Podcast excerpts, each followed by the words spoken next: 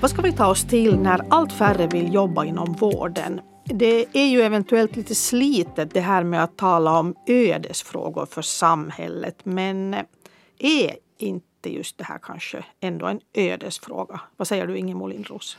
No, nu är det ju en ödesfråga eftersom det handlar om så otroligt mycket personal. Så om det är brist där så har det ju mycket större effekter än inom någon yrkesgrupp där det inte handlar om såna massor. Mm. Och dessutom det att eh, det är så många som behöver vården också så det är ju där, där handlar det också om mycket människor. Precis, och de blir ju fler eftersom befolkningen mm. blir äldre. Och dessutom blir ju sjukvården på många sätt också mer avancerad så att det här kunnandet måste man ju också fokusera jättemycket på. Mm. Sjukskötarna har ju ett väldigt stort ansvar idag. Det, det vet ju många patienter att det är inte alls så att man alltid ens talar med en läkare eller så är det ganska kort men, men sjukskötarna och sköter den huvudsakliga kommunikationen mm. kring en massa avancerade frågor. Mm. Så att här är det ju verkligen en, den här då, tusen dollars frågan att hur ska man äh, få fler att hållas kvar i branschen? Jag heter Karin Götelid och Ingemo Lindros är politikreporter på Svenska Yle och vi ska försöka förklara och reda ut just precis det här i nyhetspodden. Först då kan vi liksom säga någonting om hur stort det här problemet är just nu riktigt. Om man lyssnar till fackförbunden så är det en stor vårdarflykt mm. på gång och då talar vi om både sjukskötare och närvårdare. Det är ju så att arbetsgivaren inte betonar det här lika mycket men man hör det också mer än förr. Mm. Och nu tycker jag att, att här håller på att ske någonting, att nu är det andra än fackförbunden som talar om det här. Mm. Och det hörde man ju mycket på det här eh, social och hälsovårdsministeriets eh, pressinfo igår som, som i korthet alltså handlar om att man tillsätter en arbetsgrupp mm. som ska sitta och fundera på det här. Men att, att nu känns det som att alla talar också om lönerna. Eh, pandemin spelar ju förstås en roll här eftersom det ju satte jättehård press på vården och de som jobbar där. Men det var väl nog egentligen så att problemet fanns ju innan, eller hur? Ja, det har ju nog funnits väldigt länge. Ja. Sen finns, var det kanske arbetsförhållandena, speciellt under början av pandemin och under de här uh, topparna då det har behövts extra mycket folk och i väldigt krävande uppgifter som har gjort att fler har sökt sig då till andra typs arbetsuppgifter. Den här problematiken består ju av så många komponenter. Och du var lite inne på en av de här, förstås kanske en av de största är ju ändå lönen. Eller hur? Hur stor roll spelar Nu är det ju så. Ja. Och inte det är ju något jobb som är enbart ett kall. Eller så här. Och, och sjukskötarna är ju väldigt trötta på det här mm. själva. Att mm. andra ska uppfatta det som att man jobbar inom vårdbranschen för att man tycker att det är så viktigt. Men alla så tycker väl att någon del är, viktig, förhoppningsvis i, i det jobb som man gör. Så det här med att tala om någon slags kall får man väl börja glömma, mm. tänker jag. Mm, mm. Men samtidigt så är ju marginalerna ändå jättesmå när vi talar. För vi talar ju då om den offentliga sektorn till en stora delar. Det finns privata vårdbolag också, men mycket handlar det ju om den offentliga sektorn. Och, och, där är ju marginalerna väldigt små. Kommunerna som nu då just nu än så länge sköter vården har det jättetajt. Så det här spelrummet att plötsligt höja massa löner för att öka attraktiviteten i jobben, så det finns väl knappast. No, det finns ju inte om man frågar arbetsgivaren. Mm. Men sen så kommer det ändå, det här är faktiskt ganska intressant, att de facto så kommer en hel del löner för sjukskötare och närvårdare att sannolikt justeras uppåt här när, när vårdformen blir verklighet. Mm. Och det här är lite komplicerat mm. men, men äh, då man äh, tidigare då eller i nuläget fortfarande anställd i kommunerna och i framtiden är då anställd inom välfärdsområdena så kommer ju alla då att vara på samma lönelistor. Och då så eh, säger lagen att man måste justera uppåt i sådana här fall då eh, personer gör samma arbetsuppgifter. Och det här säger man ju då från eh, arbetsgivarhåll att det här kommer att bli väldigt dyrt. Och fackförbunden hoppas ju på det här nu, att det, det åtminstone då ska ge påökt för en del. Men inte, inte vet jag om det räcker till för att lösa det här. Ett sätt att eh, göra vårdjobben attraktivare är ju också att eh, justera i arbetstiden och eh, Anna-Maja Henriksson, SFPs ordförande och justitieminister, hon kom här med ett förslag eh, här nyligen om att eh, liksom lägga om sättet att jobba så att man skulle jobba fyra dagar och sen le och vara ledig i tre dagar. Hur har det här förslaget tagits emot?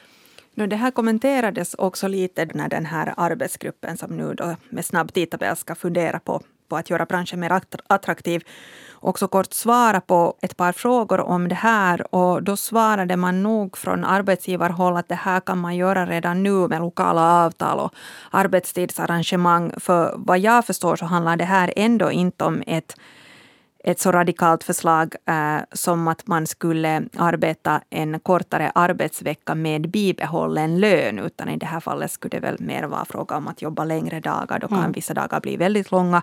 Men om tanken är att man återhämtar sig då bättre om man har en längre ledighet i sträck trots att totalarbetstiden inte minskar, så kan det kanske ge någonting. Man kan ju tänka sig att, att eh, fler lediga dagar i följd kan vara viktigt för för en viss grupp. Mm. Men sen om man vill nå eh, större resultat och det handlar om orken och sånt så handlar det om att titta på olika exempel. Det finns ju i Sverige mm. på vissa sjukhus att man har experimenterat med bibehållen lön mm. och förkortad arbetstid. Och hur har det utfallit? No där så är det, jag, jag var faktiskt själv på besök för några år sedan på Södertälje sjukhus där man hade experimenterat med det här. Då var man så pass i början så man såg inte riktigt ännu resultat. Tanken var, som många kan ju fråga sig, att hur går det här ihop överhuvudtaget?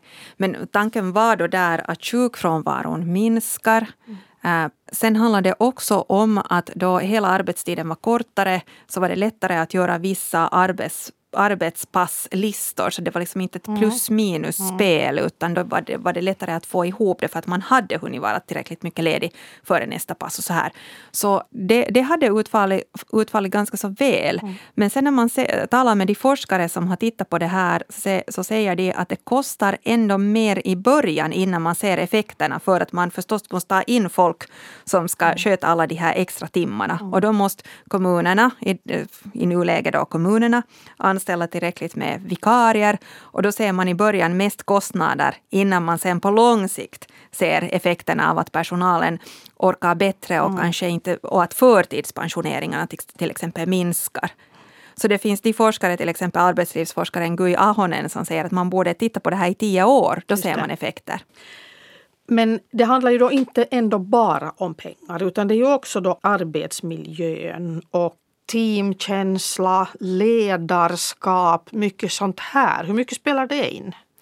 No, det lär vara så. Det säger faktiskt, det hör man både från arbetsgivarhåll och eh, i synnerhet från fackförbundshåll, att det är många problem med ledarskap inom vårdbranschen i, i Finland. Mm. Man hör det också till exempel från då de kommunala arbetsgivarna som, som säger att det här är en fråga då man, då, då man för förhandlingar om kommande avtal också. Så. Mm. Men ähm, hur ska man lösa det och vad är det då konkret i det där mm. ledarskapet? Mm. Men att det handlar väl om att, som, som på alla arbetsplatser, att märka att man, man blir sedd och att man äh, får påverka det som man kan påverka, att man blir hörd med jämna mellanrum och att det kanske finns någon slags karriärsplan. Mm.